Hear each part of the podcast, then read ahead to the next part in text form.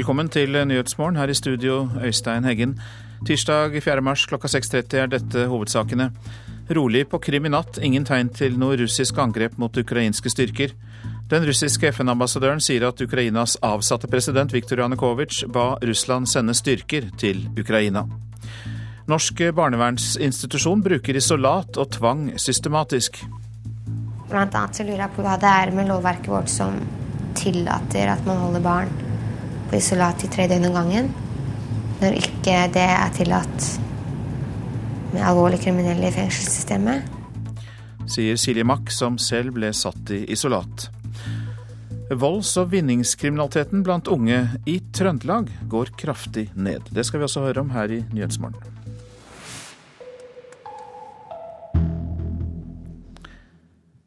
På Krimhalvøya er fristen for overgivelse av de ukrainske styrkene passert uten at det har kommet til konfrontasjoner med russiske soldater. Ultimatumet gikk ut klokka fire i natt norsk tid, men det er usikkert hvem som satte denne fristen. Samtidig hevder Russland at landet har legitim rett til å bruke våpenmakt i Ukraina. Med bare timer igjen til ultimatumet på Krim går ut, venter pressen i Kiev på den midlertidige presidenten. Det er sent mandag kveld, Aleksandr Turkinov ser bekymret ut da han henvender seg til kameraene.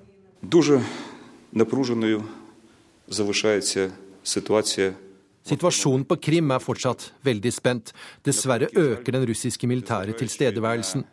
Nå er de ukrainske basene blokkert, sier Turkinov, som sannsynligvis hadde en urolig natt frem til at tidspunktet for ultimatumet kom og gikk uten at noe skjedde. Men langt unna, i New York og Sikkerhetsrådet, skjedde det mye. Det er Vitalij Tsjøkin, russisk ambassadør til FN, som snakker. Han holder opp et brev fra den avsatte presidenten Viktor Janukovitsj.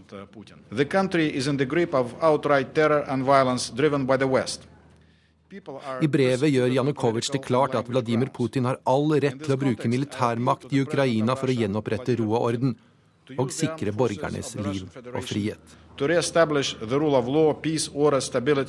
and to protect the people of Ukraine. Viktor Yanukovych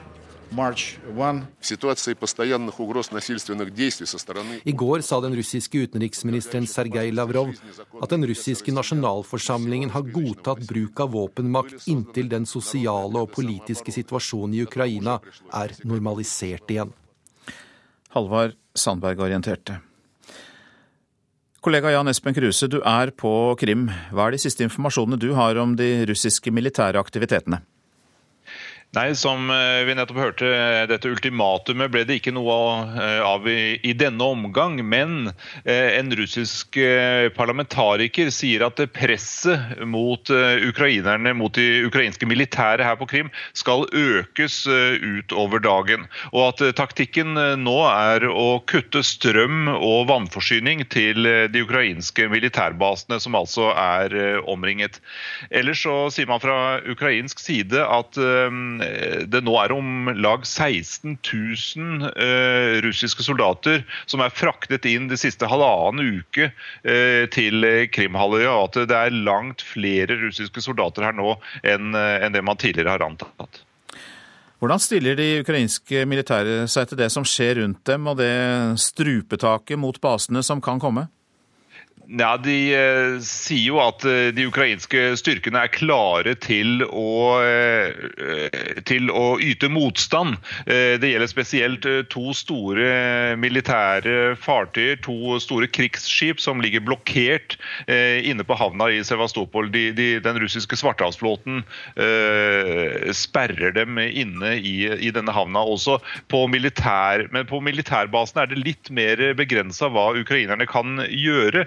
Eh, hvis de eh, går ut av basene, hvis de begynner å, å skyte på de russiske styrkene som er utenfor, så, så vil det jo være en uh, væpnet konflikt med en gang. og Det virker som om de ukrainske myndighetene vil vente og, og, og se, i hvert fall før det går til så drastiske skritt. Det ble fraktet 16 000 russiske soldater inn til Krim da nylig. Fins det noen oversikt over hvor mange russiske soldater det totalt er på Krim nå? Det er nok vanskelig å si, men altså, den russiske svartehavsflåten har jo sin vanlige base i Sevastopol. Sånn at de nye styrkene som er fraktet inn, kommer i tillegg til de, de styrkene som er i svartehavsflåten fra før. Så totalt så dreier det seg om, om veldig store styrker her. og, og det, De ukrainske militære vil ha veldig lite å stille opp med. Det, det er den russiske det er den russiske hæren og marinen som er i, i, i totalt overtall her. Du har eh, vært noe rundt på Krim og snakket med folk eh, også. Hva sier folk flest om det som skjer rundt dem? Ja, den, Det flertallet, det russisktalende flertallet, de eh, er, de er, veldig fornøyd med utviklingen. De sier at nå har Russland virkelig stått opp for dem og forsvart dem. Det er dette de har ventet på. De er forferdelig lei av det de kaller undertrykkelsen, diskrimineringen eh, fra de nye ukrainske myndighetenes eh, side. Eh, særlig er de sinte på dette med at russerne må lære seg ukrainsk, som er et krav at de ikke skal få bruke russisk fullt ut. Det, det har satt virkelig sinnene i kok. Takk til deg i denne omgang, Jan Espen Kruse, som altså rapporterte fra Krimhalvøya. Vi skal også høre fra Gro Holm eh, i Washington, men først god morgen til deg, Sverre Disen. Du er tidligere forsvarssjef, og du er med oss uh, også i dag. Uh, la oss bare ta dette ultimatumet med deg først, før vi går videre. Ifølge ukrainske kilder så kom jo Russland med et ultimatum om at ukrainske styrker skulle overgi seg innen klokka fire i natt, men det har ikke skjedd. Hvordan tolker du det? Ja, Nå har jo russerne selv benektet at de har stilt noe slikt ultimatum. Eh, det betyr ikke at de har vært uvitende om det, men det er jo igjen altså et, et, typisk utslag av en, en, type nervekrig som pågår.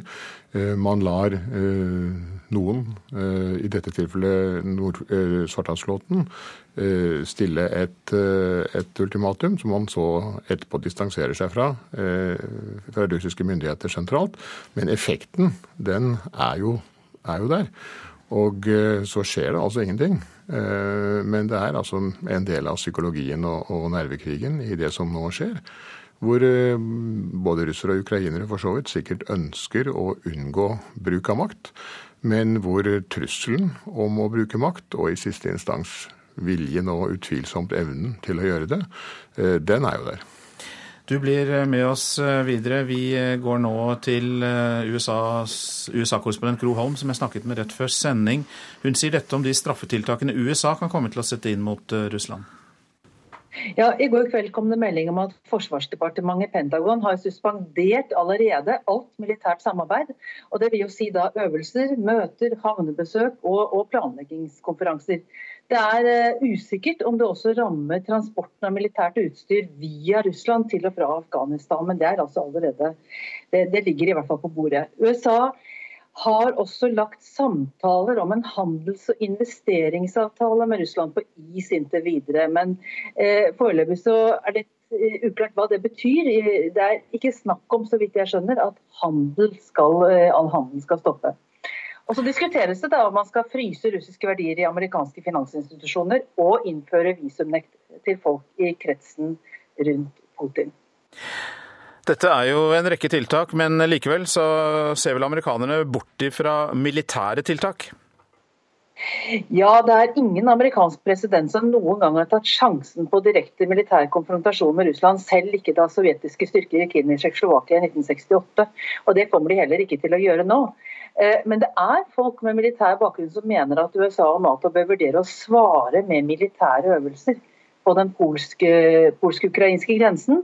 Eh, og En av dem er da Wesley Clark, som ledet eh, Natos styrker under Kosovo-krigen i 1999. Men jeg tror nok ikke at Obama kommer til å lytte til den slags forslag om sabelrasling.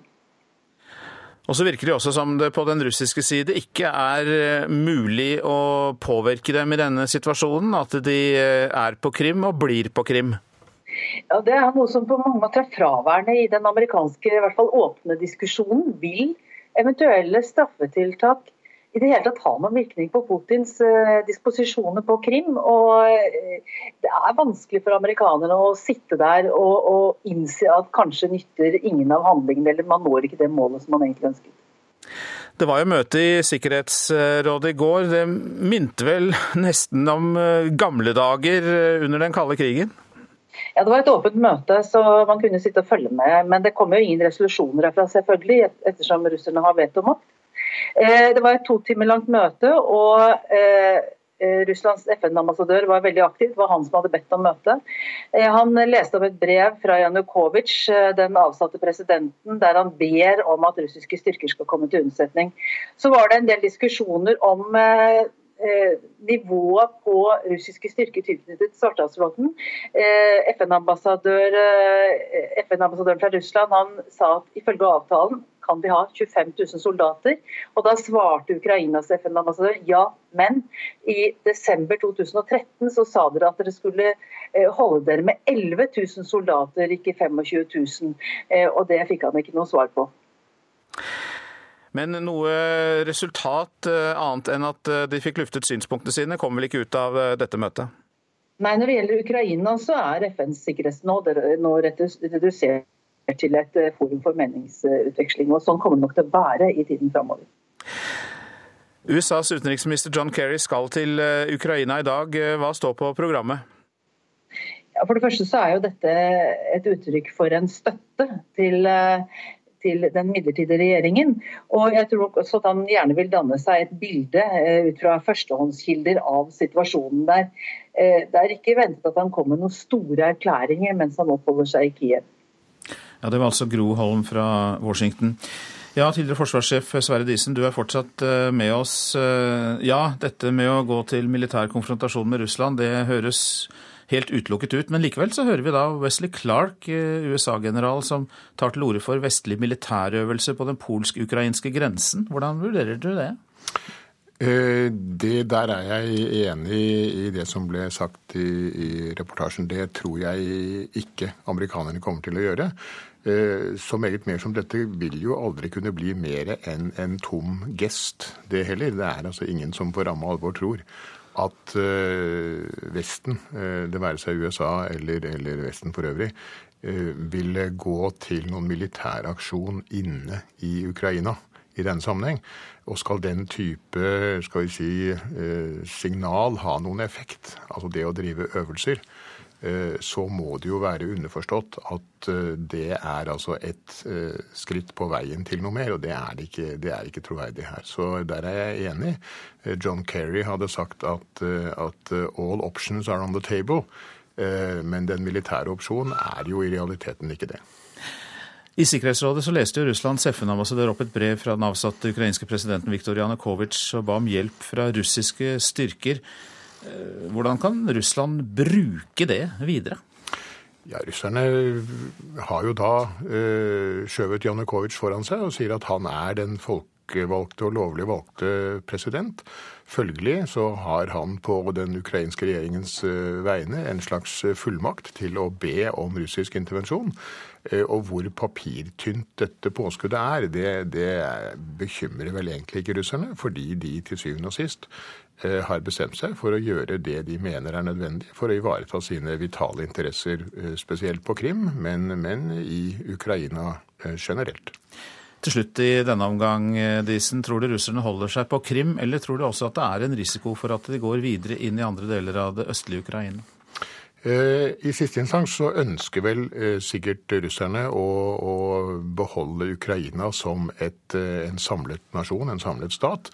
Eh, hvis det ikke skal være et eh, Ukraina som er en del av den eh, russiske føderasjonen, som kanskje ville være deres aller beste eller foretrukne løsning, så vil de antagelig foretrekke et samlet Ukraina som er så vanstyrt og økonomisk svakt at det kan domineres av Russland politisk. Og først som en tredje mulighet, en tredje prioritet, så vil jeg anta at de vil akseptere et delt Ukraina, hvor de må se den vestlige delen forsvinne inn i den eh, vestlige eh, innflytelsessfære, og at de da sitter igjen med eh, Krim og Øst-Ukraina, som da ikke uh, unaturlig uh, ville være en, en del av den russiske interessesfæren. Mange takk i denne omgang, tidligere forsvarssjef Sverre Disen.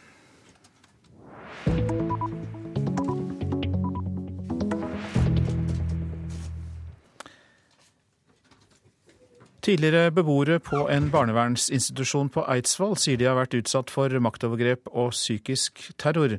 Motivasjonskollektivet er en privat stiftelse som tar imot ungdom med rus- og atferdsproblemer. Jeg vil ikke la noen andre gå gjennom det jeg gikk gjennom. Blant annet så lurer jeg på hvilket, hva det er med lovverket vårt som tillater at man holder barn på isolat i tre, dag, døgn om gangen, når ikke det er tillatt med alvorlig kriminelle i fengselssystemet. Hvert år tar motivasjonskollektivet imot rundt 30 ungdommer med rus- og atferdsproblem for korttidsopphold. Det er faste rammer og strenge regler. Og bruk av tvang og isolat. Institusjonen har et rom som blir kalla slusa. Der er det seng og do. Og forbud mot å gå ut. Det er en slags glattcelle bare med litt, litt mer fasiliteter. Fortell Jens i Brennpunkt i kveld. De som kommer dit, har problem, men de er ikke kriminelle som er dømt for noe. Silje Mack var 16 år da hun var på motivasjonskollektivet. En dag smugla hun inn en sprayboks. Da var det isolat i en tre dager. Det er straff for alt. Ja, det er egentlig sånn standardstraff for det meste. Og eh, jeg fikk ikke gå i bryllupet til storesøsteren min. NRK Brennpunkt har vært i kontakt med mange som har bodd der. Alle forteller om at dette rommet ble brukt rutinemessig i tre til fem dager, når de kom til institusjonen, og dersom noen hadde forsøkt å rømme. Det kan være fra ett til eh, fire, i sjeldne tilfeller fem døgn. Det forteller daglig leder Bjørn Skottom om bruken av rommet. Flere ungdommer som var på institusjonen på 90-tallet, er tilkjent erstatning fordi kollektivet brukte problematiske metoder. Så sent som i fjor påpeka et tilsyn alvorlige brudd på reglene om bruk av tvang og isolat. Skottom sier de har retta på det som tidligere ble kritisert. Nå er det kortere. Eh, det var jo også det nyanser eh, den gangen, men det er noen trekk som kom fram som vi, som vi tok alvorlig, ja, helt klart. Og han sier de har etterkommet kravene i det siste tilsynet. Nei, den, eh, den er oppfylt for en god tid tilbake, i fjor. Eh, i september i fjor. Reportere her, det var Håvard Grønli og Snorre Tønseth. Og mer om denne saken blir det i Brennpunkt på NRK1 i kveld klokka 21.30. Så til avisene. Vil ha folk på jobb til klokka 21 på kvelden uten ekstra betaling, skriver Dagens Næringsliv. Under lønnsoppgjøret kommer lederen i Norsk Industri, Stein Lier Hansen, til å kreve forlengelse av normalarbeidsdagen med fire timer.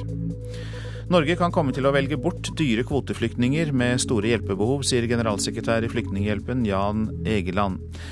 Det er da avtalen mellom regjeringen og samarbeidspartiene som han mener fører til at kronisk syke, funksjonshemmede, barnesoldater, religiøse og seksuelle minoriteter kan bli grupper som ikke kommer til Norge.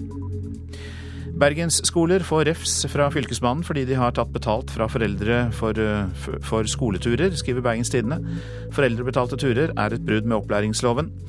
23 av 45 skoler avisa har kontaktet, ber om penger fra foreldrene. Stor likhet og sterkt fellesskap gir Norge suksess, sier forskeren David Sloan Wilson til Klassekampen. Den amerikanske evolusjonsbiologen priser Norges supermodell, og mener den er nøkkelen til samfunnssuksess.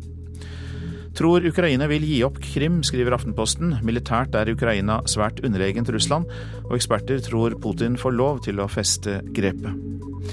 Ukraina-krisen gir prishopp på korn, skriver Nasjonen. Faren for krig mellom to av verdens største korneksportører kan gi svikt i kornforsyningen og dramatiske konsekvenser for verdens matforsyning.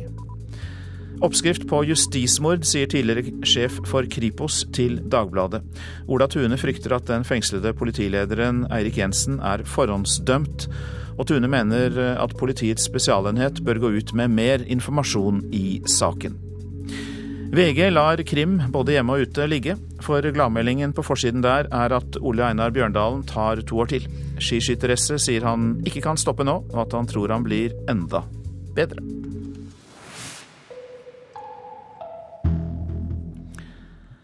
Og det blir mer sport her, for etter en trøblete sesong håper landslagskaptein Brede Hangeland at han holder seg skadefri innen EM-kvalifiseringen til høsten.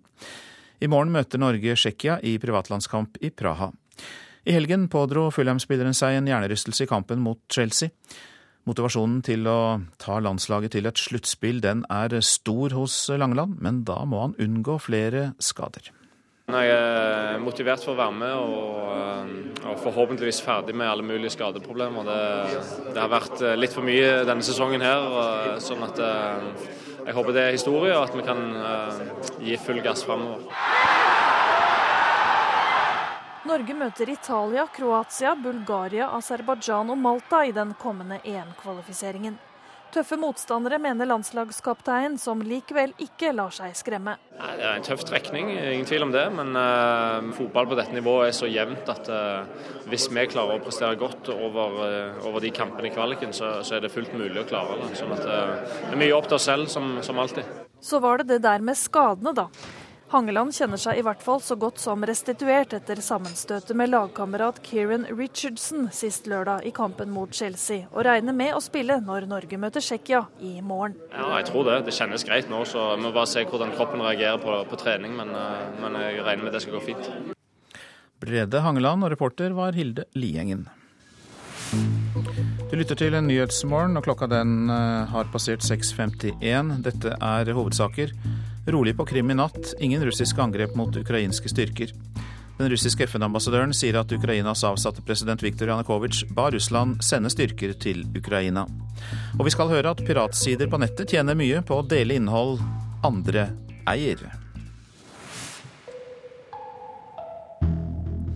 Kriminaliteten blant unge i Trøndelag har gått kraftig ned siden toppårene i 2007 og 2008. Antall anmeldte voldstilfeller har gått ned med mer enn 70% De som jobber med å bekjempe ungdomskriminalitet, mener den viktigste årsaken er at de seg imellom samarbeider bedre.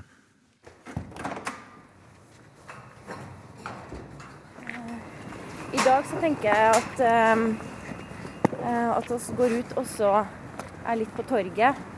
Og så ser vi oss treffe på kjente ungdommer og hører litt på hva de skal gjøre i helga, og hva slags planer de har. Ja. Mm. Jeg er på tur i sentrum av Trondheim sammen med Camilla Wright og Live Ness i uteseksjonen i barnevernet. De siste åra har barnevernsarbeiderne opplevd at det vanker færre ungdommer i sentrum. Det ser politiet resultatet av i sin statistikk. Nei, også Hovedtendensen er ganske klar. Den kriminaliteten, eller den anmeldte kriminaliteten den, den går ned. Erik Stølan har som jobb å analysere statistikk i Sør-Trøndelag politidistrikt. På papiret han viser meg, står det at tallet på anmeldte vinningsforbrytelser med gjerningsperson under 18 år har gått ned 60% siden 2007. Når det gjelder vold, var det bare 74 anmeldelser i hele Sør-Trøndelag i 2013. I 2007 var dette tallet 286. Det er en nedgang på 74 de samme tendensene går igjen i Nord-Trøndelag. Der er vinningskriminaliteten nærmest halvert siden 2008. I samme periode gikk tallet på anmeldte voldssaker ned med 62% Vi må nok se de tallene i lys av større nasjonale og generelle endringer. Man ser av store ungdomsundersøkelser som er gjort, at de har blitt mindre aktive på kriminalitet, og at de jevnt over ruser seg mindre. I tillegg til at de i det store bildet egentlig har det veldig bra. Så mm, lever vi i et land som er rikt og velfungerende. Og det er i seg sjøl en eh, kriminalitetsforebyggende faktor. Even Ytterhus er såkalt SLT-koordinator i Trondheim. Det betyr at han leder det som heter Samordning av lokale kriminalitetsforebyggende tiltak i kommunen. Hele poenget med dette SLT-arbeidet er at alle instanser som jobber med barn og unge, skal jobbe sammen. Kommunen gjør jo innsats gjennom skole, barnevern, helsesøstre, fritidsklubber og den typen ting. Eh, men her må man prøve å sy sammen eh, hele nettverket rundt ungdommen til å bidra, da, slik at de kan få ei, god fremtid her og slutte å begå kriminalitet eller vold. Da. Men for å få til å lage en slik skreddersydd tiltakspakke til ungdom som sliter, må man finne dem. Og det er uteseksjonens jobb. For å få kontakt er pizza et nøkkelord. Når vi merker at det er et behov for å etablere en mer sånn inngående kontakt, så det er noe med at vi må ha noe å tilby. Vi kan ikke bare si 'kom på et kontor'. Ungdom liker ikke kontor. Og det å liksom spise mat, det er en undervurdert eh, sosialfaglig metode. Til slutt der hørte vi Camilla Wright i uteseksjonen, og reporter var eh, Randi Lillealteren. Piratsider på nettet tjener mye på å dele innhold som andre eier. I fjor tjente slike piratsider nærmere 1,4 milliarder kroner, hovedsakelig på annonseinntekter. Dette tallet kom fram i en ny amerikansk undersøkelse. Nei, det er jo veldig beklagelig at uh, en del mennesker lager uh, piratsider og benytter seg av andres rettigheter ulovlig for å tjene penger. Sier Willy Johansen, styreleder i Rettighetsalliansen, en sammenslutning som arbeider med å stoppe ulovlig fildeling på nettet. Så er det veldig attraktivt, dessverre, for enkelte å, å gå inn og se filmer gratis.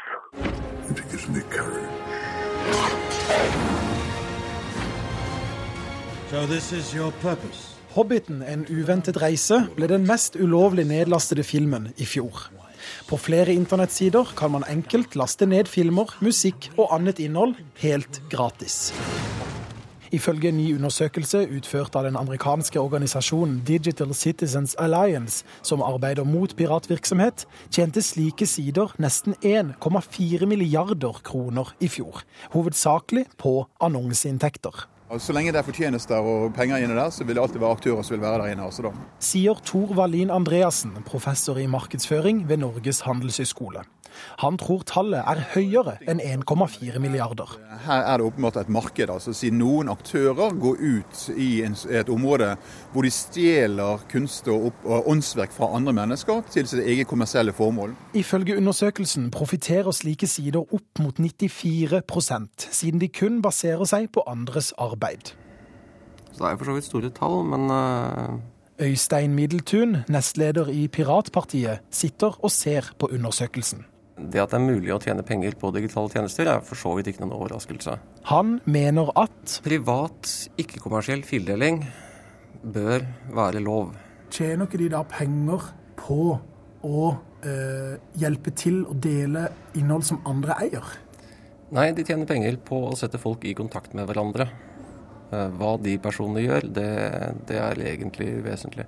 Middeltun synes det bør være enklere å sette opp lovlige digitale løsninger, og at disse bør bli mer tilgjengelige. Det er bare tull. Eh, I dag kan man finne absolutt alle filmer på nettet på en lovlig måte. Mener Willy Johansen. Rettighetsalliansen vil nå gå rettens vei for at de norske internettleverandørene skal stenge slike sider for sine kunder. Vi er dessverre nødt til å gå rettens vei nå for å få de første sakene dokumentert av retten at det er ulovlige. NRK har prøvd å få kontakt med den største ulovlige fildelingssiden, Pirate Bay, uten å lykkes. Reporter her, det var Christian Ingebretsen. Værvarselet nå. Fjellet i Sør-Norge. Sørøstlig opp i liten kuling. Sterk kuling utsatte steder i vestlige fjellstrøk først på dagen. Litt snø øst i Langfjella, ellers stort sett opphold, og i nord kan hende litt sol. Østlandet og Telemark skyet og stedvis disig vær. Perioder med litt regn, snø i høyden. Nedbør vesentlig vest for Oslo. Agder på kysten liten kuling først på dagen. Perioder med regn, snø i høyereliggende strøk. Rogaland sørøstlig sterk kuling utsatte steder. Litt regn, snø i høyereliggende strøk også der. Fra i ettermiddag stort sett oppholdsvær og gløtt av sol. Hordaland og Sogn og Fjordane sørøstlig liten kuling utsatte steder. Seint i kveld sørlig stiv kuling på kysten. Stort sett opphold og perioder med sol. Møre og Romsdal og Trøndelag til dels pent vær, kort og godt.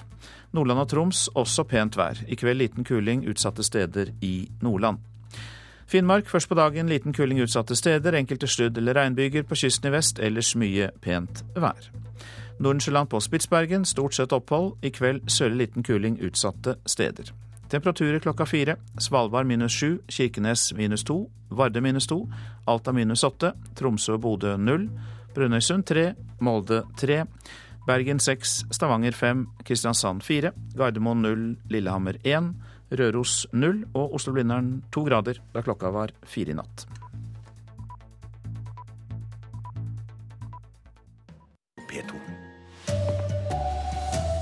Russland fortsetter det militære presset mot Krimhalvøya.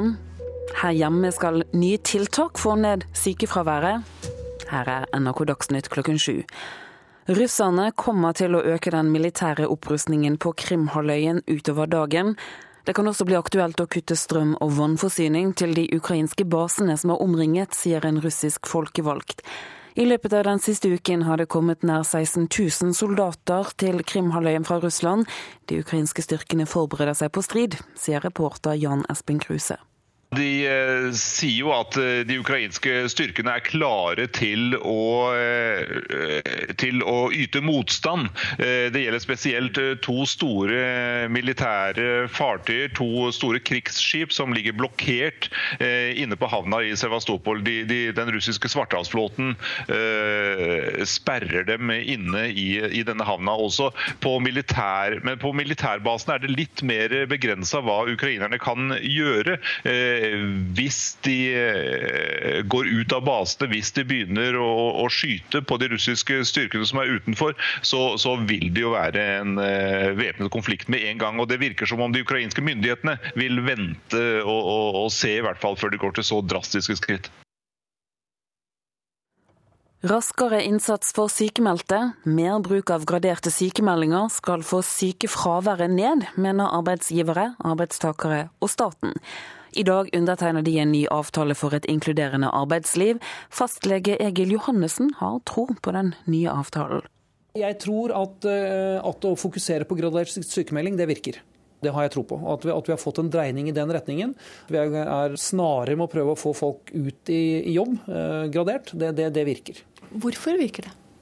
Det har nok med at det blir tidlig satt krav til arbeidsgiver til tilrettelegging, og at uh, pasientene har en kontakt med sin arbeidsgiver. Så, vil ikke terskelen for å trå tilbake være særlig stor når de kan øke sin arbeidsinnsats. Reporter Hedvig Bjørgum. I Buskerud er én person savnet i forbindelse med en boligbrann i Mjøndalen. Politiet fikk melding om brannen for en drøy time siden, og det er observert flammer ut av huset. Tidenes vinterolympier, Ole Einar Bjørndalen, har gjort helomvending og bestemt seg for å fortsette skiskytterkarrieren i to år til. Det skriver VG. Og dermed avslutter Bjørndalen karrieren med VM på hjemmebane i Holmenkollen i 2016.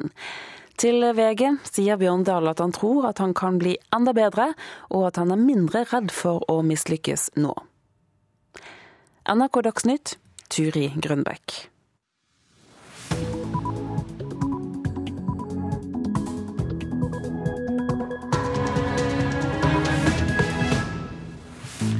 Nyhetsmorgen fortsetter med disse sakene. Dette er en varslet invasjon, skriver Aftenpostens Kjell Dragnes om Russlands invasjon på Krim. Dragnes forklarer hvorfor her i Nyhetsmorgen.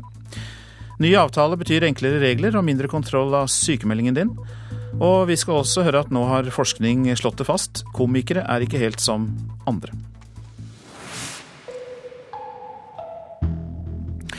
Ja, Tidligere utenriksredaktør i Aftenposten, Kjell Dragnes, god morgen til deg. God dag. Du skriver i en kronikk eh, om Ukraina og Russland eh, i dag, som jeg nettopp har lest, at uh, dette er en varslet invasjon. Hvorfor det? Det kan vi faktisk lese av eh, de offisielle russiske dokumentene. Det finnes eh, forskjellige offisielle russiske dokumenter. I dette tilfellet så er det da den eh, utenrikspolitiske doktrine og den militære doktrine. Disse, disse doktrinene er grunnlagsdokumenter for russisk utenriks-, forsvars- og sikkerhetspolitikk. Og der står det jo nesten svart på hvitt. Ukraina er et av de viktigste landene i, for uh, Russland. Og det står også uh, i dokumentene at uh, man har rett til å gripe inn hvis russisktalende eller russiske borgere blir utsatt for overgrep i utlandet. Du skriver også at Putin mener oppløsningen av Sovjetunionen i 1991 var en katastrofe. Består hans politikk da av å gjenopprette og gjenreise så mye som mulig av det gamle imperiet? Ja, Det var ikke bare en katastrofe, det var den største geopolitiske katastrofe i det 20. århundret, har han uttalt. Mm. Og det er jo sterke ord når vi vet at det var to andre veldig store katastrofer i det 20. århundret, både første verdenskrig og annen verdenskrig. Så, eh, men det forteller jo veldig tydelig eh, tenkningen til eh, Vladimir Putin.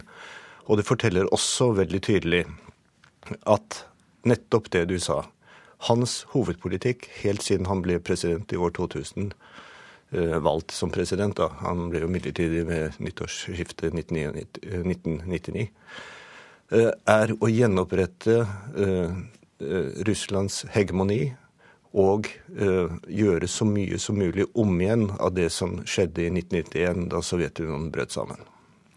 Takk til deg denne omgang, Kjell Dragnes. Du blir fortsatt med oss. Vi tar nå kontakt med deg, kollega Christian Elster. Du er på Krim og eh, reiste rundt på halvøya noe i går. Kan du beskrive det du så da?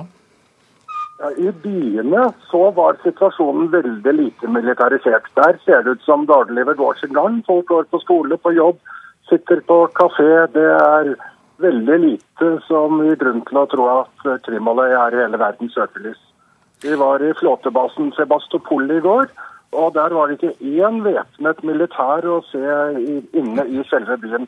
Det var en del av disse selvbestaltede uh, selvforsvarsgruppene som uh, består ja, Der besto det i hovedsak av unge menn som passet på en del av uh, administrasjonsbygninger, men det var ubevæpnet og uuniformerte grupper. Så det er ikke noe tydelig russisk militært eh, nærvær på Krim eh, der folk flest ferdes? Der folk flest ferdes, er det ikke det. Ute på veiene så, så vi, vi så en større russisk militærkolonne med både pansrede kjøretøy og tyngre lastebiler. Også den oppførte seg som om den ikke var som om den var på et trygt territorium. Den uh, lot folk passere forbi andre biler de hadde ikke noe problem da vi ville fotografere dem. Så det virket som om de følte at de var hjemme, for å si det slik. Dette er jo, Krim er jo den delen av Ukraina hvor det er hovedsakelig etnisk russisk befolkning. Og du har også eh, hatt kontakt med folk flest eh, der du er på Krim. Eh, hva sier de, de du har truffet? De sier at de ikke er redd for krig. De sier at det vil ikke Ukraina gjøre, det vil være selvmord. Flere roste Putin her, som de sier at han har sagt at han vil beskytte oss. Folk er, eh, føler vel at situasjonen er avklart. Russland er i hovedsak kontroll, i kontroll her på Krim nå. I tillegg så er det mye sinne mot uh, det nye regimet i Kiev. Det uttrykker mye sinne. Takk skal du ha i denne omgang, reporter Christian Elster på uh, Krim. Ja, Kjell Dragnes eh, fra Aftenposten. Vi fikk nettopp en melding her inn om at eh, Russlands president Putin beordrer troppene som har vært engasjert i militærøvelser, til å returnere til sine baser. Det gjelder vel da selvfølgelig ikke Krim, men det gjelder denne øvelsen som eh, var i vestlige russiske områder. Hvordan tolker vi det?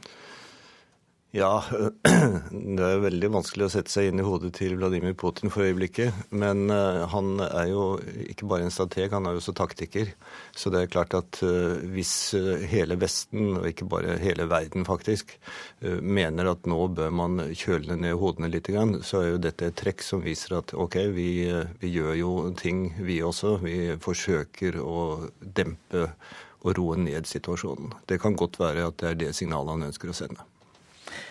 Du blir fortsatt med oss. Vi eh, vender oss eh, nå videre mot eh, Åse Marit Befring, vår europakorrespondent. Nato skal nemlig ha et krisemøte også i dag om situasjonen i Ukraina.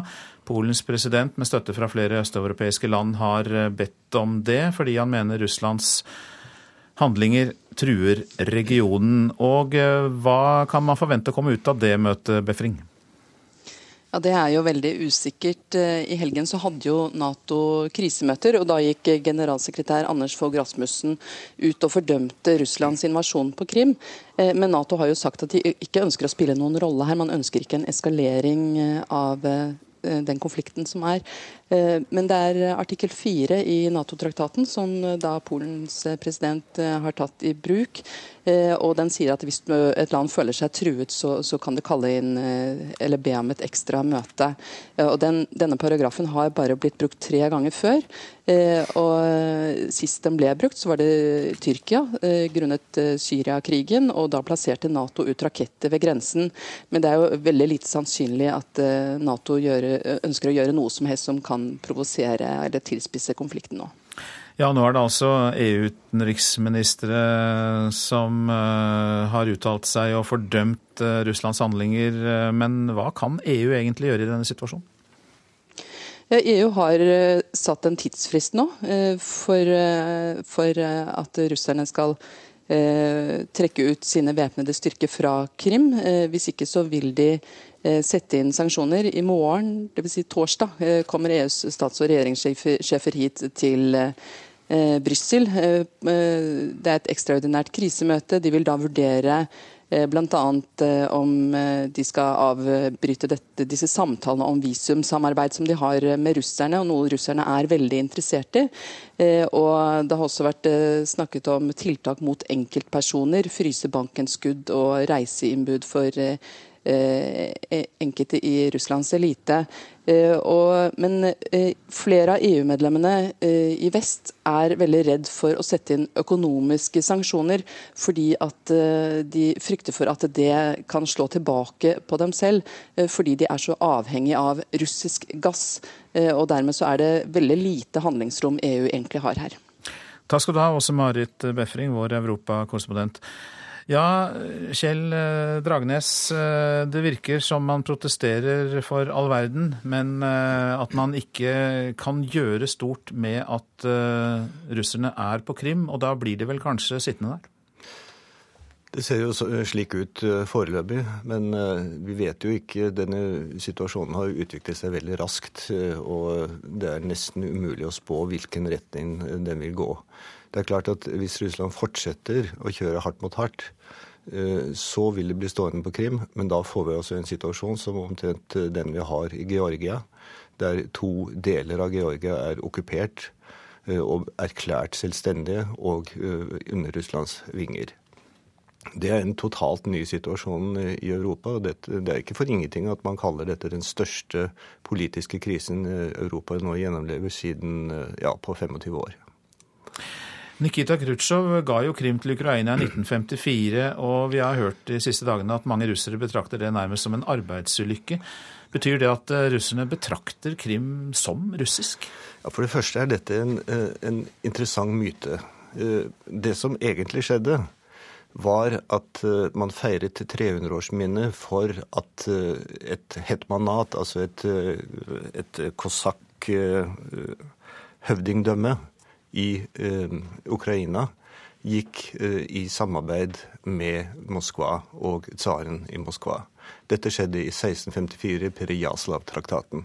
Og for å feire dette, det de kaller foreningen mellom Ukraina og Russland, så ble altså Krim overført til Ukraina. Dette betydde ingenting i sovjettiden, fordi det var jo samme land. Men det fikk jo da følger uh, senere, da Sovjetunionen brøt sammen. Eh, Krim har en veldig omtumlet historie, og jeg syns det er ganske interessant å se hvordan man i dag bruker historien, deler av historien, tolker historien for å, uh, for å rettferdiggjøre det som skjer i dag. Det er ulike tolkninger av historien, det er ulike ting som har skjedd opp igjennom. Men det betyr jo ikke at man i dagens moderne verden, der man har fått klare grenser og klare internasjonale regler, skal gå tilbake til 1654 for å rettferdiggjøre at man går til angrep på et uh, selvstendig land. Nei, det kan jo minne om hvordan man tenkte om Balkan i mange år. Men eh, slik jeg tolker det da, Kjell Dragnes, så syns du at man skal la historien ligge og la, la, folkeretten tale? Historien bør ligge. Historien bør alltid være med oss, fordi den forklarer hvor, hvorfor en del av de tingene som skjer nå, eh, skjer. Men vi har jo sett misbruk av historien. Eh, du nevnte Balkan. Ja, hva skjedde i Kosovo f.eks.? Der gikk man jo tilbake til 1300-tallet for å forklare hva man egentlig gjorde på 1990-tallet. For meg er dette et misbruk av historien. Man skal ha den med, man skal ha det som en forklaring. Men historien og grensene har skiftet.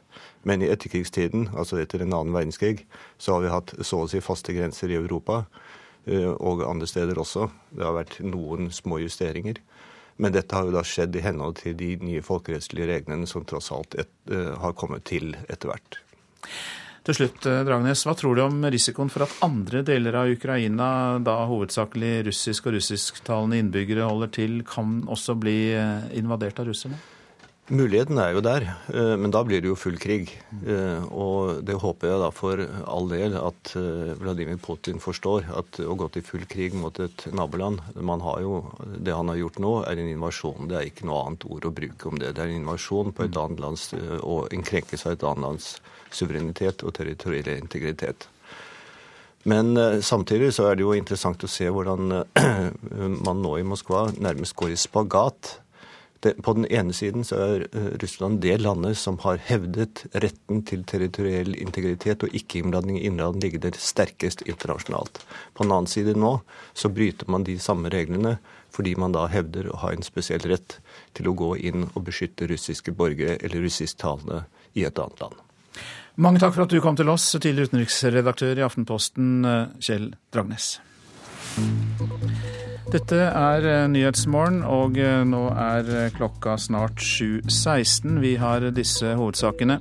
Russerne kommer til å øke det militære presset på Ukraina, på, mot ukrainerne på Krimhalvøya. Kutt i strøm og vannforsyning til de ukrainske basene kan bli aktuelt, sier russisk folkevalgt.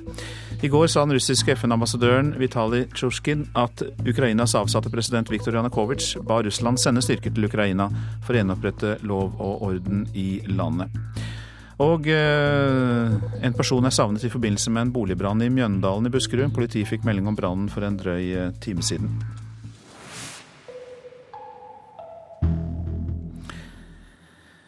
Nå hjem til eh, Norge og sykemeldingsreglene, for de skal bli enklere. Det mener arbeidsgivere, arbeidstakere og staten. I dag undertegner de en ny avtale for et inkluderende arbeidsliv. Arbeidsgiverne får eh, mer tillit, eh, og liksom legene og de sykemeldte. Raskere innsats for de sykemeldte og mer bruk av gradert sykemelding, ja, det skal få sykefraværet ned. Hei sann. Hei, jeg hente sykemelding, ja. Ja, hva med det? Hvor lett eller vanskelig det er å få en sykemelding, har vært til debatt de siste årene. Og i dag signerer staten arbeidsgivere og arbeidstakere en ny IA-avtale som betyr mye for den som blir sykemeldt. Vær så god, kom inn. Fastlege Egil Johannessen på Medisinsk senter Fornebu i Akershus kaller inn neste pasient. Han har en viktig rolle som sykemelder, og foreskriver denne resepten. Jeg tror at å fokusere på gradert sykemelding, det virker. Det har jeg tro på. At vi, at vi, har fått en dreining i den retningen. Snarere med å prøve å få folk ut i, i jobb eh, gradert. Det virker. Gradert sykemelding betyr at du ikke er helt syk eller helt frisk. Og det blir det mer av i årene som kommer. For arbeidsgivere, arbeidstakere og staten er helt enige med fastlegen. Mer kontakt med jobben som sykemeldt reduserer sykefraværet vårt. Det har nok med at det blir tidlig satt krav til arbeidsgiver i forhold til tilrettelegging, og at uh, pasientene har en kontakt med sin arbeidsgiver. Uh, selv om de ikke kan utføre et stort stykke arbeid der, så, så vil ikke terskelen for å trå tilbake være særlig stor når de kan øke sin arbeidsinnsats. Uh, Mindre sykefravær er et av målene i avtalen om et inkluderende arbeidsliv. Den nye avtalen skal bli enklere og mindre byråkratisk, med færre frister og mindre myndighetskontroll. Det betyr at både leger og arbeidsgivere får mer tillit i stedet for bøter de neste fire årene. Det andre delmålet i IA-avtalen er å få flere funksjonshemmede ut i arbeidslivet. Partene har nå valgt å sette fokus på de unge funksjonshemmede i den nye IA-avtalen. Det tredje målet i IA-avtalen er å få folk til å stå lenger i arbeid. Og det sa reporter Hedvig Bjørgum. Magnus Takvam, du er politisk kommentator eh, her i NRK. og mm, Er da denne avtalen testen på at trepartisamarbeidet, eller trepartssamarbeidet, er det vel mm. fra mellom arbeidsgiver, arbeidstaker og stat, fungerer også med den nye regjeringen? Det er i hvert fall en veldig, veldig viktig brikke i, i, dette samarbeidet. Både selvfølgelig sentralt og også lokalt rundt omkring på arbeidsplassene som har eh, IA-avtaler. Eh, man kan jo legge til at det er, det er bare 60% tror jeg, av norske arbeidstakere som er inkludert, som er med i IA-avtalen. Og, og, i stor grad er jo det kanskje de store og mer seriøse arbeidsplassene i norsk arbeidsliv. Så utfordringen er selvfølgelig å få eventuelt da enda flere med av de mindre og eh, skal vi si mer useriøse, eh, kompliserte delene av arbeidslivet inn i disse ordningene. Men eh, vi husker jo at Høyre og Frp ja, under valgkampen, og for så vidt også i regjeringsplattform, har flere kontroversielle forslag. Hvor er det blitt av dem? Ja, Bare for å si det aller først. Dette med å endre eh, ytelsene i sykelønnsordningen, karensdager eller reduserte ytelser, det er eh, på en måte annullert av alle norske politiske partier. Mm. Så det er, bekreftes jo selvfølgelig i denne, denne, avtalen også. Men det har, som du sier, er, har den Høyre-Frp-regjeringen i sin plattform punkter om f.eks.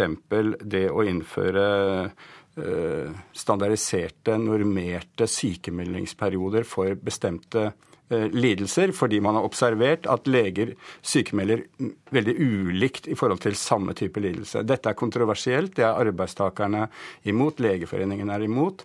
Så dette sammen med eh, en del andre ting, som f.eks. at en fastlege ikke skal kunne sykemelde en, person mer enn seks måneder, men da få en second opinion. Disse tingene er plukket ut av avtalen.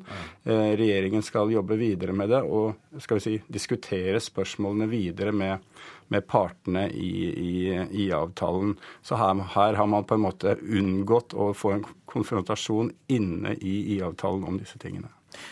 Men det selges inn som en forenkling for alle parter, da. Er du enig i det?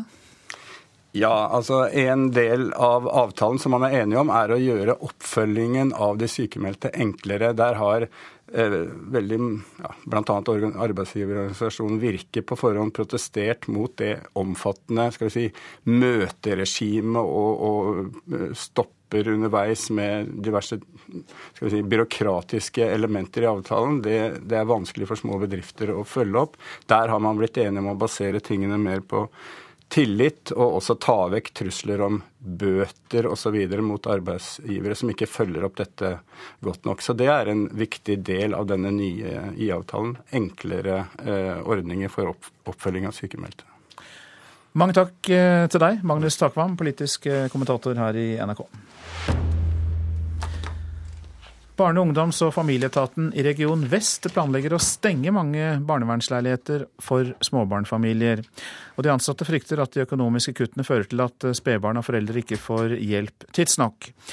Det sier regiontillitsvalgt Irmelin Sangolt Kjellflåt i fagorganisasjonen FO. Vi er bekymra for de aller svakeste og minste barna. At barn ikke blir hjulpet til riktig tid. De yngste er de mest sårbare fordi at de første leveårene er så viktig for livet videre. Regiondirektør Øystein Søvik sier til NRK at Bufetat region vest må kutte kostnadene kraftig på mange områder i løpet av 2014.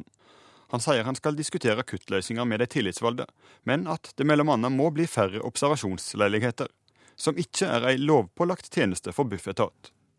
Og det sa reporter Leif Rune Løland. Så til det avisene har på dagsordenen i dag. Vil ha folk på jobb til klokka 21 på kvelden uten ekstra betaling, skriver Dagens Næringsliv. Under lønnsoppgjøret kommer lederen i Norsk Industri, Stein Lier Hansen, til å kreve forlengelse av normalarbeidsdagen med fire timer. Norge kan komme til å velge bort dyre kvoteflyktninger med store hjelpebehov, sier generalsekretær i Flyktninghjelpen Jan Egeland til Vårt Land. Etter avtalen mellom regjeringen og samarbeidspartiene kan kronisk syke, funksjonshemmede, barnesoldater, religiøse og seksuelle minoriteter bli grupper som ikke kommer til Norge, sier Egeland. Blir avhengig avhengige av Facebook, skriver Nordlys. Nesten halvparten av alle kvinner i Nord-Norge er innom sosiale medier daglig, og 7% av dem er logget på hele tiden. Bergensskoler får refs fra Fylkesmannen fordi de har tatt betalt fra foreldrenes eh, foreldre til eh, skoleturer, skriver Bergens Tidende.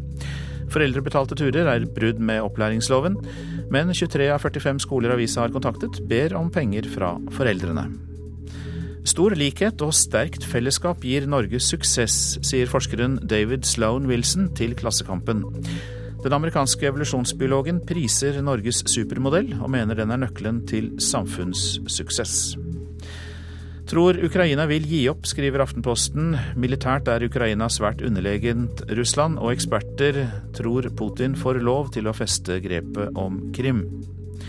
Verden frykter Putin, er Dagsavisens oppslag. Russiske styrker kontrollerer halvøya og har fått ordre om å bli der. Russland lar seg ikke rikke av vestlig fordømmelse eller trusler, skriver avisa. Ukraina-krisen gir prishopp på korn, skriver Nasjonen. Faren for krig mellom to av verdens største korneksportører kan gi svikt i kornforsyningen og eh, dramatiske konsekvenser for verdens matforsyning. Oppskrift på justismord, sier tidligere sjef for Kripos til Dagbladet. Ola Tune frykter at den fengslede politilederen Eirik Jensen er forhåndsdømt, og Tune mener at politiets spesialenhet bør gå ut med mer informasjon i saken. Og VG lar krim, både hjemme og ute, ligge. For gladmeldingen på forsiden der, det er at eh, Ole Einar Bjørndalen tar to år til. Skiskytteresse sier han ikke kan stoppe nå, og at han tror han kan bli enda bedre. Nå skal vi høre at komikere ikke er helt som eh, andre folk. Ny forskning viser at det er påfallende likhet mellom tenkemåten til mennesker med psykoser og tenkemåten til komikerne.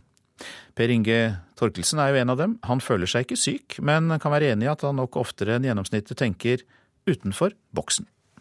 Jeg samler på norskproduserte barberblader. Er det friskt, det? Det er iallfall sært, og jeg kan love at det ikke er det beste sjekketrikset. Men, men jeg syns det er greit og kjekt å ha en sjekkesamling med norskproduserte barberblader, som jeg koser meg med. Men det er nok veldig mange som vil se på det som på grensen til galskap. Ny forskning viser at komikere har en personlighet som skiller seg fra normalen. Det er påfallende mye likhet mellom tenkemåten til mennesker med psykose og tenkemåten til komikerne. Må du altså være gal for å være løyen? Nei, det tror jeg ikke i det hele tatt. Eh, men du må gjerne være litt kreativ. Du må gjerne ha evnen til å se ting fra en annen synsvinkel. Og det gjør vel gjerne at du bør være litt, kall det annerledes. Men, men, jeg har aldri følt meg gal eller psykisk syk. Snarere tvert imot så føler jeg meg av og til litt for normale.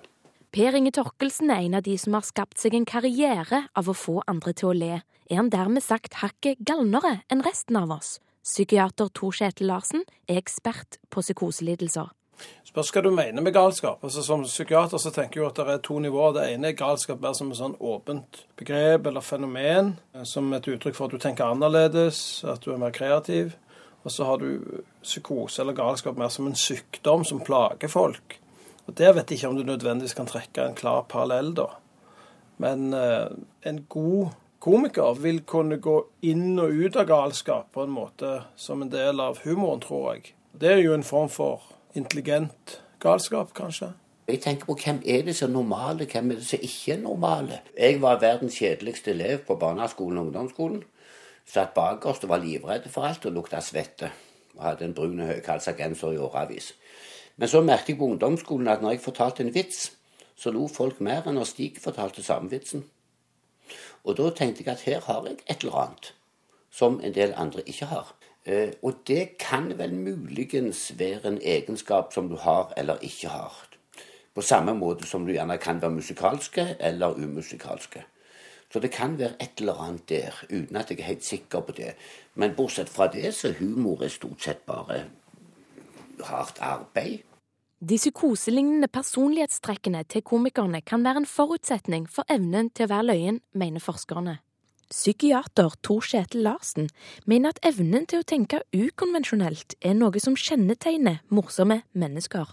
De, de gode komikerne de tenker utenfor boksen, og de er i stand til å se ting på andre måter. Det å ha en åpenhet for å se ting på helt andre måter, det øker risikoen for at du er morsom.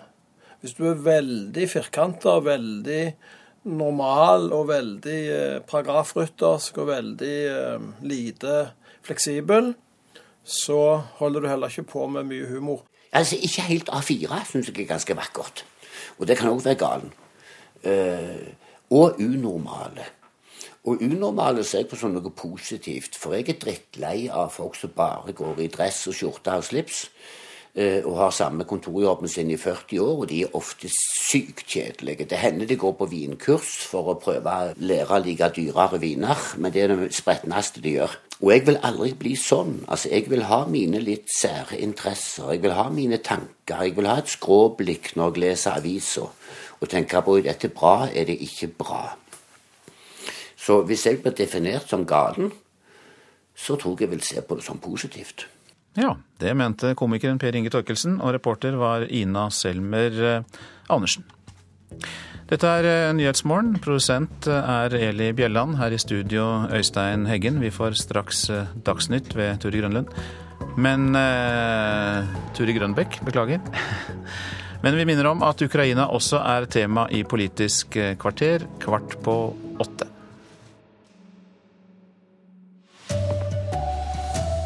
Putin trekker tilbake soldater fra beredskapsøvelse, men 16 000 russiske soldater står fortsatt på Krimhalvøya. Og sykemeldingsreglene skal bli enklere, dessuten skal sykefraværet ned. Riktig god morgen, her er NRK Dagsnytt, klokken er 7.30. Natten har forløpt uten et russisk angrep på ukrainske baser på Krim. Det var det mange som var redd for. I dag holder Nato et nytt hastemøte om krisen i Ukraina. Det er Polen som har bedt om møte, etter å ha tatt i bruk en svært sjelden artikkel i Nato-traktaten, nemlig artikkel 4. Utenriksminister Børge Brende, hvor alvorlig er dette? Det er fortsatt en alvorlig situasjon eh, i Ukraina, og spesielt på Krim. Det var i møte i Sikkerhetsrådet eh, i går hvor da Ukrainas ambassadør slo fast at det er nærmere 20 000 nordrussiske soldater satt inn eh, på Krimhalvøya. Det viktige nå er jo at dette ikke sprer seg videre også til de østlige delene av Ukraina. Da kan det lett komme ut av kontroll. Men det er jo positivt at det ikke i løpet av natta har skjedd ytterligere handlinger. Og det var jo snakk om dette ultimatumet eh, som da Russland avviste. Og det at det ikke har funnet sted, er positivt. Hvordan tolker du dette, at disse russiske soldatene som har vært på en øvelse, nå er beordret tilbake? Det kan tolkes på to måter. At det er positivt at den øvelsen som kom på et tidspunkt som var lite betimelig, er avlyst før tida. Men det kan jo selvsagt, med alvoret i den situasjonen som nå er i Ukraina, at eh, disse soldatene drar tilbake da til basene sine, kan jo også tolkes på et annet vis, for å si det sånn. Så derfor så er det større behov enn noen gang for en politisk dialog. Krisen i Ukraina skal ikke og kan ikke løses med våpen. Politisk dialog, sier du. Samtidig kommer det meldinger fra USA om at de fryser alt militært samarbeid med Russland. Hva tenker du om det? Altså, når det gjelder politisk dialog, så tenker jeg på mellom myndighetene i Ukraina og Russland. Og der har jo også da kansler Merkel tatt et initiativ overfor Putin. Det vi må for all del hindre, er jo at russere og ukrainske soldater begynner å skyte på hverandre. Da er det krig. Men nå må man da sørge for at eh, vi eh, holder fast ved en politikk gjennom Nato for Norges del. Børge Brende, takk skal du ha. Og I går satt altså som sagt FN i et nytt hastemøte. og Der sa Russlands FN-ambassadør at det var den avsatte presidenten i Ukraina som ba om russiske soldater til landet. I natt har det altså vært rolig på Krimhalvøya. Med bare timer igjen til ultimatumet på Krim går ut, venter pressen i Kiev på den midlertidige presidenten. Det er sent mandag kveld. Aleksandr Turkinov ser bekymret ut da han henvender seg til kameraene.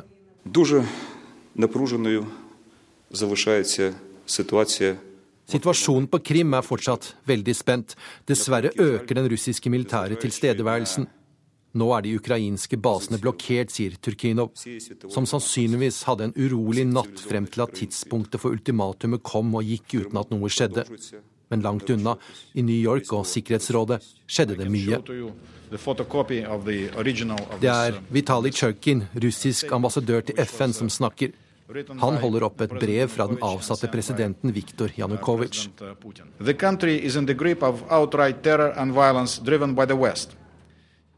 I brevet gjør Janukovitsj det klart at Vladimir Putin har all rett til å bruke militærmakt i Ukraina for å gjenopprette ro og orden, og sikre borgernes liv og frihet. Reporter Halvard Sandberg. Reporter Jan Espen Kruse på Krimhalvøya, hva er det siste du vet om de russiske militære aktivitetene? Ja, som vi hørte altså, så eh, avslutter Russland denne militærøvelsen på ordre fra president eh, Vladimir Putin. Og eh, det vil nok bli eh, tolket som, eh, som, positivt. Men eh, de ukrainske myndighetene er fortsatt svært bekymret. De sier at det er store mengder militært materiell og store mengder soldater som er samlet i grenseområdet mot Ukraina. Og man frykter at de også eh, vil ta seg inn på ukrainsk territorium i den østlige delen av landet, der det også bor svært eh, mange russisktalende. Men det ukrainske militæret, hvordan stiller de seg til det som skjer rundt basene deres? Ja, de er eh, omringet her på eh, Krimhalvøya. Og eh, det har kommet meldinger om at presset mot de ukrainske basene skal økes. At vann og strøm skal kuttes i løpet av dagen. Sånn at konfrontasjonen her på Krimhalvøya er på ingen måte over. Og så hørte vi i går mye om dette ultimatumet om at ukrainske militære skulle overgi seg inn klokken fire i natt. Hva skjedde med det? Nei, det, det, skjedde rett og slett uh, ingenting. Disse uh, militæranleggene, disse leirene som er omringet, de er det fortsatt. Uh, men det ble altså ingen storming, slik det ble truet med fra russisk side. Jan Espen Kruse, takk for at du var med oss på Krimhalvøyen. Det blir mer om situasjonen i Ukraina i Politisk kvarter klokken 7.45. Sykemeldingsreglene skal bli enklere, det mener arbeidsgivere, arbeidstakere og staten. I dag undertegner de en ny avtale for et inkluderende arbeidsliv. Arbeidsgivere får mer tillit, liksom legene og sykemelderne. Raskere innsats for sykemeldte og mer bruk av graderte sykemeldinger skal få sykefraværet ned. Hei, jeg skal hente sykemelding, ja. Ja, hva med det? Hvor lett eller vanskelig det er å få en sykemelding, har vært til debatt de siste årene. Og i dag signerer staten, arbeidsgivere og arbeidstakere en ny IA-avtale som betyr mye for den som blir sykemeldt. Vær så god, kom inn. Fastlege Egil Johannessen på Medisinsk senter Fornebu i Akershus kaller inn neste pasient. Han har en viktig rolle som sykemelder, og foreskriver denne resepten. Jeg tror at å fokusere på gradert sykemelding, det virker. Gradert sykemelding betyr at du ikke er helt syk eller helt frisk. Og det blir det mer av i årene som kommer. For arbeidsgivere, arbeidstakere og staten er helt enige med fastlegen. Mer kontakt med jobben som sykemeldt reduserer sykefraværet vårt. Det har nok med at det blir tidlig satt krav til arbeidsgiver til tilrettelegging og at pasientene har en kontakt med sin arbeidsgiver. Mindre sykefravær er et av målene i avtalen om et inkluderende arbeidsliv. Den nye avtalen skal bli enklere og mindre byråkratisk, med færre frister og mindre myndighetskontroll. Det andre delmålet i IA-avtalen er å få flere funksjonshemmede ut i arbeidslivet. Partene har nå valgt å sette fokus på de unge funksjonshemmede i den nye IA-avtalen. Det tredje målet i IA-avtalen er å få folk til å stå lenger i arbeid. Det sa reporter Hedvig Bjørgum. Tidligere beboere på en barnevernsinstitusjon på Eidsvoll sier de har vært utsatt for maktovergrep og psykisk terror. Motivasjonskollektivet er en privatstiftelse som tar imot ungdom med rus- og atferdsproblemer. Blant annet så lurer jeg på hvilket, hva det er med lovverket vårt som tillater at man holder barn på isolat i tre, tre døgn om gangen. Hvert år tar motivasjonskollektivet imot rundt 30 ungdommer med rus- og atferdsproblem for korttidsopphold. Det er faste rammer og strenge regler. Og bruk av tvang og isolat. Institusjonen har et rom som blir kalla slusa. Der er det seng og do. Og forbud mot å gå ut. De som kommer dit, har problem. Men de er ikke kriminelle som er dømt for noe. Silje Mack var 16 år da hun var på motivasjonskollektivet. En dag smugla hun inn en sprayboks. Da var det isolat i en tre dager. Det er straff for alt. Ja, det er egentlig sånn standardstraff for det meste. Og eh, jeg fikk ikke gå i bryllupet til storesøsteren min. Vi bruker jo ikke det ordet straff, for det er en, det er en forutsigbarhet her. sånn, Så det blir en konsekvens av en handling. Det forteller daglig leder Bjørn Skottom. Kan være fra ett til eh, fire, i sjeldne tilfeller fem døgn. NRK Brennpunkt har vært i kontakt med mange som har bodd der. Alle forteller om at dette rommet ble brukt rutinemessig i tre til fem dager, når de kom til institusjonen, og dersom noen hadde forsøkt å rømme.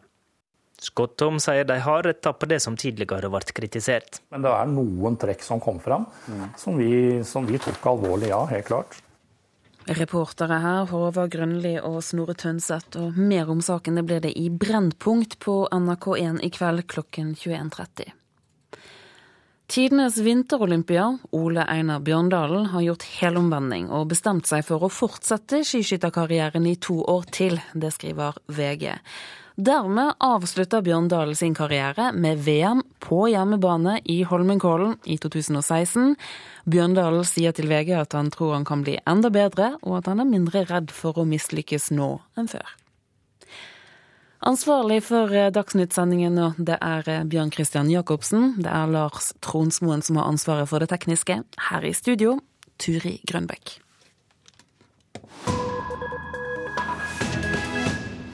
Dette er Nyhetsmorgen. Norge har lovet å ta imot 1000 flyktninger fra Syria, men nå skal vi til en skole i Jordan som allerede har tatt imot 1000 syriske elever. Alene. Det lille landet Jordan har tatt imot over en halv million syriske flyktninger. Og det er gutteskolen Abu Bakr Sadek i byen Irbid som eh, natta over fikk dobbelt så mange elever.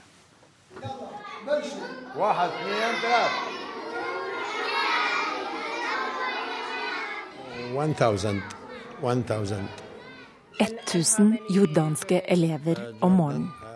Og 1000 syriske om ettermiddagen, sier Jamil Kasabeh.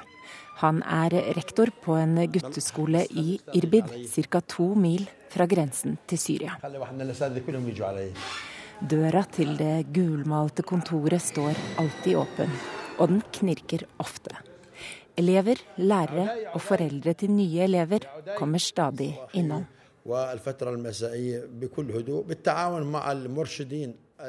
Jeg jobber dobbelt så mye som før, og dagene blir dobbelt så lange.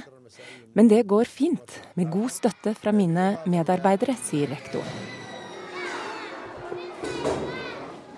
Flere jobber doble skift, pluss at skolen også har ansatt noen ekstra lærere.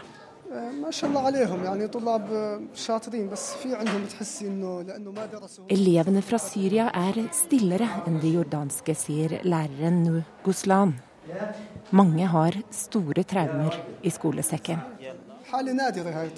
Uh, there are cases. The, he has one rare case where a child um, uh, is always terrified because of the bombing and everything. He's scared from any noise. Suar Savalia fra Redd Barna i Jordan oversetter. Uh, uh,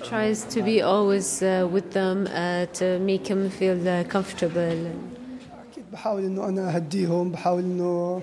Jeg prøver å se alle elevene og deres behov, både de som trenger mye trøst, og de som trenger mye hjelp til å hente seg inn faglig. Flere av de syriske elevene har vært på flukt i både ett og to år og gått glipp av mye. Derfor har vi et eh, eget undervisningsopplegg for dem, forklarer læreren.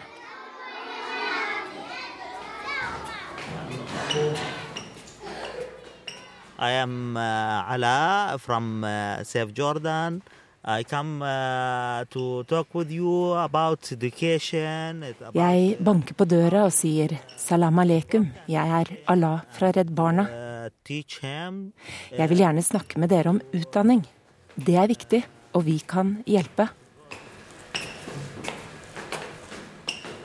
Redd Barnas folk går fra dør til dør til de mange syriske familiene som har flyktet til byen. Uh, Noen av familiene er redde for å åpne døren, redde for fremmede. Og for mange er ikke utdanning første prioritet. De er mest opptatt av å komme seg i sikkerhet, skaffe seg husly og mat, sier Suar Savalia. Redd Barna har likevel klart å overbevise mer enn 10 000 syriske foreldre i Irbid om at det nettopp nå er viktigere enn noensinne å sende barna deres på skole. It's important because when you think, hopefully, when the crisis is over, then these children and these families will need to go back to Syria. And if they haven't uh, gotten their education, then they would have wasted probably years of their lives. Um, they need to make use of this time uh, so that when they go back to Syria, they have the education and the methods and the know how to build and rebuild Syria.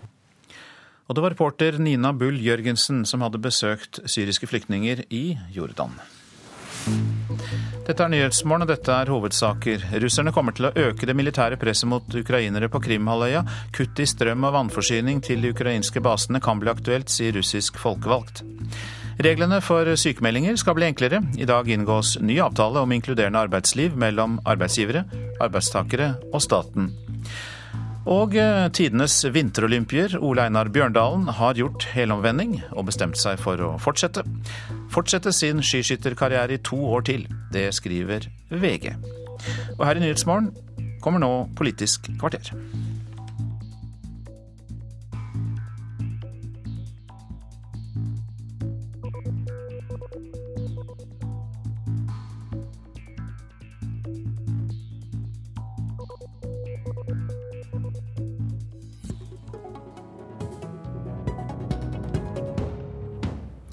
Velkommen til Politisk kvarter, utenriksminister Børge Brende. Takk. Var du våken klokka fire i natt? Nei, men jeg hadde lagt telefonen sånn at jeg var sikker på at jeg hørte den hvis den ringte. Og jeg er glad for at den ikke ringte i natt.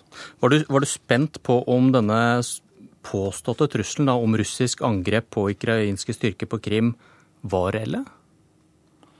Nå er det jo slik, eh, ifølge den ukrainske utenriksministeren i Sikkerhetsrådet i går kveld, at det er bortimot 20 000 russiske soldater på Krimhalvøya allerede.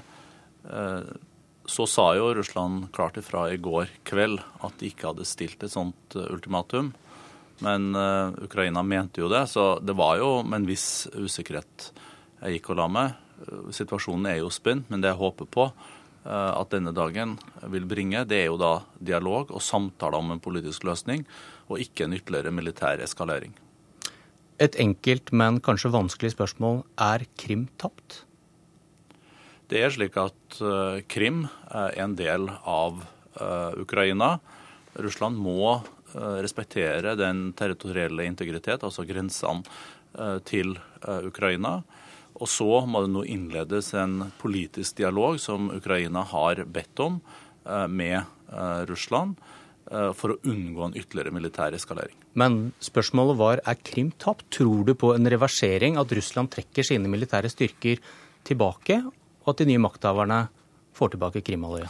Jeg svarte egentlig på det i det jeg allerede sa, men jeg syns ikke det er riktig av meg å sitte og spekulere uh, i dette. Jeg bare ber om at Russland respekterer Ukrainas suverenitet og territorielle integritet. Det er de forplikta til etter folkeretten. Derfor innkalte vi også en russisk ambassadør i Norge uh, i går og gjorde det klinkende klart at uh, vi uh, syns at det er en meget klanderverdig opptreden fra Russlands side. Vi fordømmer til og med eh, det som nå har skjedd av militær aktivitet utenfor eh, den flåtebasen som Russland har på Krim. Bård Vegar Solhjell, utenrikspolitisk talsmann i SV. Er Krim tapt? Jeg tror det fortsatt er mulig å finne en fredelig løsning som gjør at Ukraina beholder det territoriet de har krav på og rett på. Og jeg deler utenriksministerens vurdering at det er det vi nå skal jobbe for, å finne en dialog. Deler òg hans vurdering av det som har skjedd. Russland har begått et farlig og uakseptabelt angrep. Jeg er liten tvil om at det er et brudd på folkeretten. Men det er likevel viktig nå at vi oppfordrer alle parter til å opptre klokt og tilbakeholdent i en eh, sånn eh, situasjon, og, og jobbe for en politisk løsning. Natten har gått uten kamper. Frykter du at tilfeldigheter skal starte en krig? Ja, altså, jeg tror det aller farligste nå, det er om små ting kan starte noe veldig stort og farlig.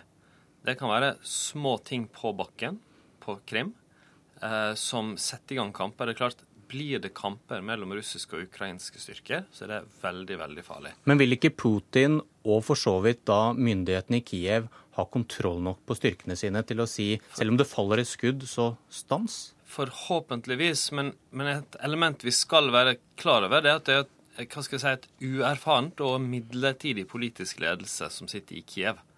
Eh, som kanskje ikke har den samme erfaring med sitt maktapparat eh, som mange andre mer erfarne politiske ledelser har. Heller ikke den samme legitimiteten over tid. Og, så vil jeg være opptatt av nå at eh, det vi har sett i sånne situasjoner, er at det ofte kan være et press på hjemmebane en del steder for å tøffe seg i retorikken, både den ene og den andre veien. Mens det situasjonen krever, er ro, eh, at man kan snakke sammen på bakrommet og finne en arena for dialog mellom vestlige land og Russland. For eh, enten det er FN eller det er f.eks. det Angela Merkel har foreslått, et slags dialogforum. Kristian Norheim, utenrikspolitisk talsmann i Fremskrittspartiet. Apropos da å, tøffe seg, som Solhjell sier general Wesley Snipes fra USA han oppfordrer til en vestlig militærøvelse på den polsk ukrainske grensen? Ja, jeg, tror, jeg, tror, også at det er viktig å holde uh, hodet kaldt nå. Uh, og det er altså ingen militær løsning på den uh, vanskelige og krevende situasjonen som Ukraina nå står oppe i. Det spørs vel hva man vil oppnå? ja, men det, altså, det er en politisk løsning på det. altså Derfor må vi også holde kanalen åpne. Samtidig må vi være helt klare på at den bøllete oppførselen som Russland har vist med sin framferd nå, med bruddet på folkeretten og inngangen da Eh, på Krim med, med disse tusenvis av soldatene, er helt uakseptabel. Eh, samtidig så må vi da være opptatt av hvordan vi skal se framover nå, og, og da få eh, en politisk løsning og få samtalene i gang. Eh, og sørge for at man ikke oppskalerer situasjonen ytterligere. For det vil da eh, ytterligere bidra til at spenningen øker. Og da vet vi faktisk ikke hvilke konsekvenser det kan bli. fordi her er det som sagt tidligere, her kan fort en misforståelse da føre til at eh, det, det får noen konsekvenser som kan være ganske fatale. Og så kan vi si at det jo kan, kan være trygge på at russerne har kontroll på sine tropper. Det det er et godt spørsmål, og det samme kan vi si om den ukrainske siden. Men eh, problemet i den type situasjoner som er nå oppe i, at eh, små ting, misforståelser, eh, fort kan da sette større ting i gang. Det har vi sett tidligere, og det kan vi se her også. Brende, hva, hva tenker du om at stemmer hever seg nå for da, at Vesten skal vise militære muskler, om det er da på grensen i, fra Polen til Ukraina eller i Svartehavet for den saks skyld? Jeg syns det var fornuftig at president Putin avblåste Eh, den eh, militære øvelsen han satte i gang eh, i forrige uke. Hva kan det tyde på? Nei, det, det, kan jo tolkes på to måter. da. At militærøvelsen er avblåst. Det er jo uh, bra, for den kommer jo på et lite betimelig tidspunkt. Men så vil jo det bety at soldatene også da drar tilbake til sine uh, baser. Men vi skal selvsagt nå ikke bidra til noe som eskalerer Eh, den eh, politiske og militære eh, konflikten. Så det er ikke noe klokt å sette i gang en da, øvelse på grensa mellom Polen og Ukraina. Det som jeg syns er viktig å få frem, er jo at den nye regjeringa i Kiev, Ukraina, har jo så langt, selv om den er ny og ikke erfaren, så har jo den holdt hodet kaldt. Det er ikke blitt skutt.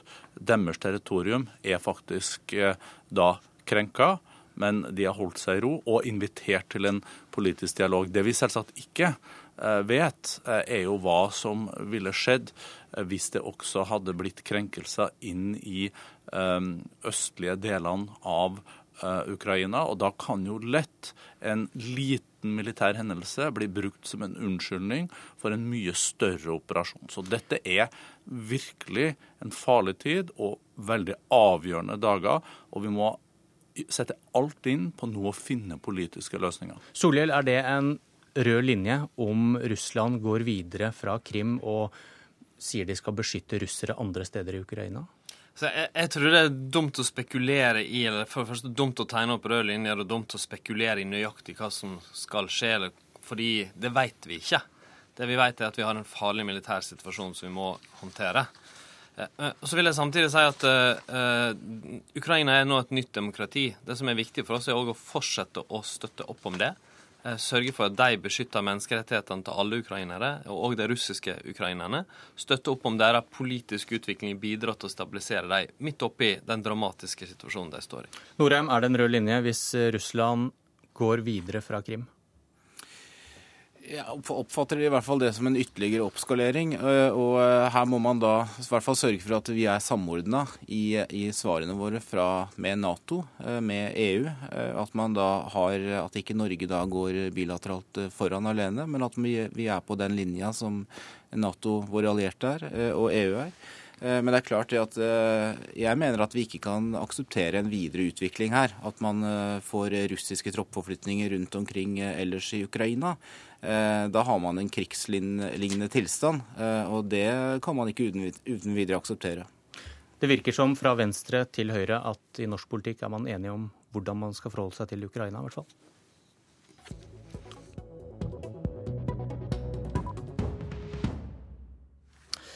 Til fredeligere farvann, men noen bølgeskvulp i sykefraværsdebatten i Norge har det vært, og kanskje også i dag. For i dag blir en ny IA-avtale underskrevet av arbeidsgivere, arbeidere og regjeringen. Et inkluderende arbeidsliv skulle føre til bl.a. lavere sykefravær. Og Sveinung Rotevatn, stortingsrepresentant fra Venstre. Hva bør stå i en ny avtale? Det bør stå ganske mye nytt, mener jeg. Fordi at uh, IA-avtalen, uh, som har blitt fornya en rekke ganger, koster veldig mye penger og hatt ganske begrensa resultat så langt. Uh, jeg mener at det viktigste som bør stå nå, er at en bruker mer graderte sykemeldinger, slik at folk får sjansen til å holde en fot innenfor arbeidslivet selv om de sliter med sykdom. Så mener jeg at en er nødt til å få en forenkling, særlig for de små bedriftene som det i dag er veldig vanskelig for å delta i IA-samarbeidet. Og så mener jeg, selv om jeg har litt mindre tro på det, at en bør eh, gjøre noe med arbeidsgiverne sitt ansvar for det litt lengre sykefraværet. Eh, samtidig som en kanskje kan la staten ta mer ansvar for det korte. For i dag så er det jo sånn at etter at det har gått 16 dager, så er det på en måte staten som overtar alt. Og da mangler du insentivene arbeidsgiverne trenger for å sørge for at folk eh, kommer tilbake på jobb og holder en fot eh, innenfor arbeidslivet. Anette Trettebergstuen, stortingsrepresentant fra Arbeiderpartiet. Hva bør stå i en ny avtale? Jeg håper at uh, den nye arbeidsministeren og partene nå har uh, forhandla frem en avtale som, som bygg, i stor grad bygger på den vi reforhandla i 2009, den som nå gjelder, da, den som går ut og at man gjør mer av det vi vet virker. Eh, og, det er bruken av graderte sykemeldinger. Altså, at, eh, altså troen på at det å være på jobb også kan være riktig medisin. Eh, det var liksom hovedgrepet i den avtalen som i dag gjelder. Det at det er ikke sikkert at det å bli sykemeldt og, og, og, gå hjemme og ligge på sofaen gjør at du blir raskere og friskere. Det er godt og, og bra for deg også å være på jobb. og Det var liksom hovedgrepet i den forrige avtalen. Men, det håper jeg, på, jeg håper på mer, mer, bruk av det. det. det. regner jeg med. Så har vi sagt at altså, vi gjorde en del store grep i 2009 fordi vi så at vi trengte å gjøre mer for å få sykefraværet ned.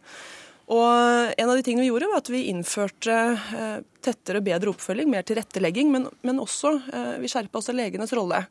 Så hører jo vi og har sett også at eh, noe i IA-avtalen har kanskje blitt for vanskelig å følge opp. Bl.a. For, for små og mellomstore bedrifter som kanskje ikke har mange ansatte og store ressurser.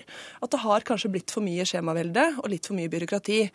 Og Nav selv sier jo også at uh, mye av det sanksjonsregimet uh, opp mot legene tar for mye tid. Og det lytter vi til, så jeg håper at den nye arbeidsministeren uh, ønsker å avbyråkratisere IA-avtalen og, og, gjøre den enklere å følge opp.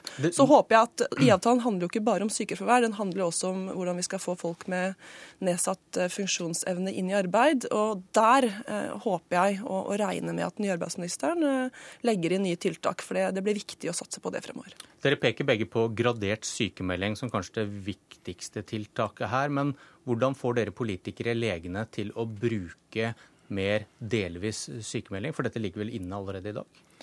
Det vil jo vise seg når avtalen blir lagt fram senere i dag. Altså, det er klart, eh, For det første så må legene føle på det ansvaret de faktisk har. ikke sant? Legene sitter og forvalter enorme verdier i året. Men hva kan man politisk gjøre annet enn å skrive inn en setning om å oppfordre til å bruke mer Nei, det er klart En kan jo gå ut med, med sterkere altså retningslinjer og, og, føringer. Det er klart En kan det som, som parter og som stat. Eh, men jeg tror nok at en også skal være bevisst på det at eh, IA-avtalen handler om flere mål enn den skal oppnå, bl.a. redusere sykefraværet. Det målet har han ikke nådd. Han har kommet litt nærmere, men han har ikke nådd det. Men på det målet som Anette snakker om her, bl.a. inkludere flere funksjonshemmede i arbeidslivet, så har han jo knapt oppnådd noe som helst. Eh, så en skal være litt obs, mener jeg, på at bare en viderefører IA-avtalen, så er alt bra. Eh, når Sintef evaluerte IA-avtalen i fjor, så konkluderte jeg med at det er vanskelig å se at IA-avtalen har vært en suksess, og at den ikke har fungert på mange viktige områder. Så jeg håper at Nei. nå har den kommet ganske langt videre altså, part... når en legger fram en ny avtale senere i dag. Det er helt nødvendig. IA-avtalen virker, altså sykefraværet har gått ned, og bruken av graderte sykemeldinger er jo i stor grad en årsak til det. Og så eh, har vi nådd målet om at flere skal stå, eller vi er på vei til å nå målet om at flere skal stå i arbeid lenger. Men på delmål to, det som handler om å få flere som i dag står utenfor arbeidslivet med nedsatt funksjonsevne inn, der har det stått ganske stabilt. Men der satte forrige regjering, altså vår regjering, inn en rekke tiltak som er nødt til å få lov til å virke litt før vi kan se resultatene.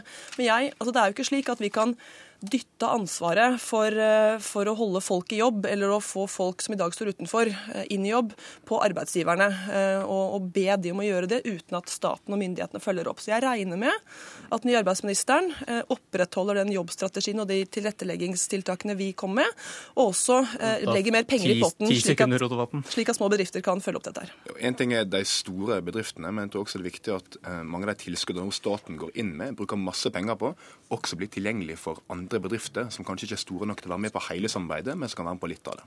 Takk for at dere var med i Politisk kvarter. Det er slutt. Jeg heter Bjørn Myklebust.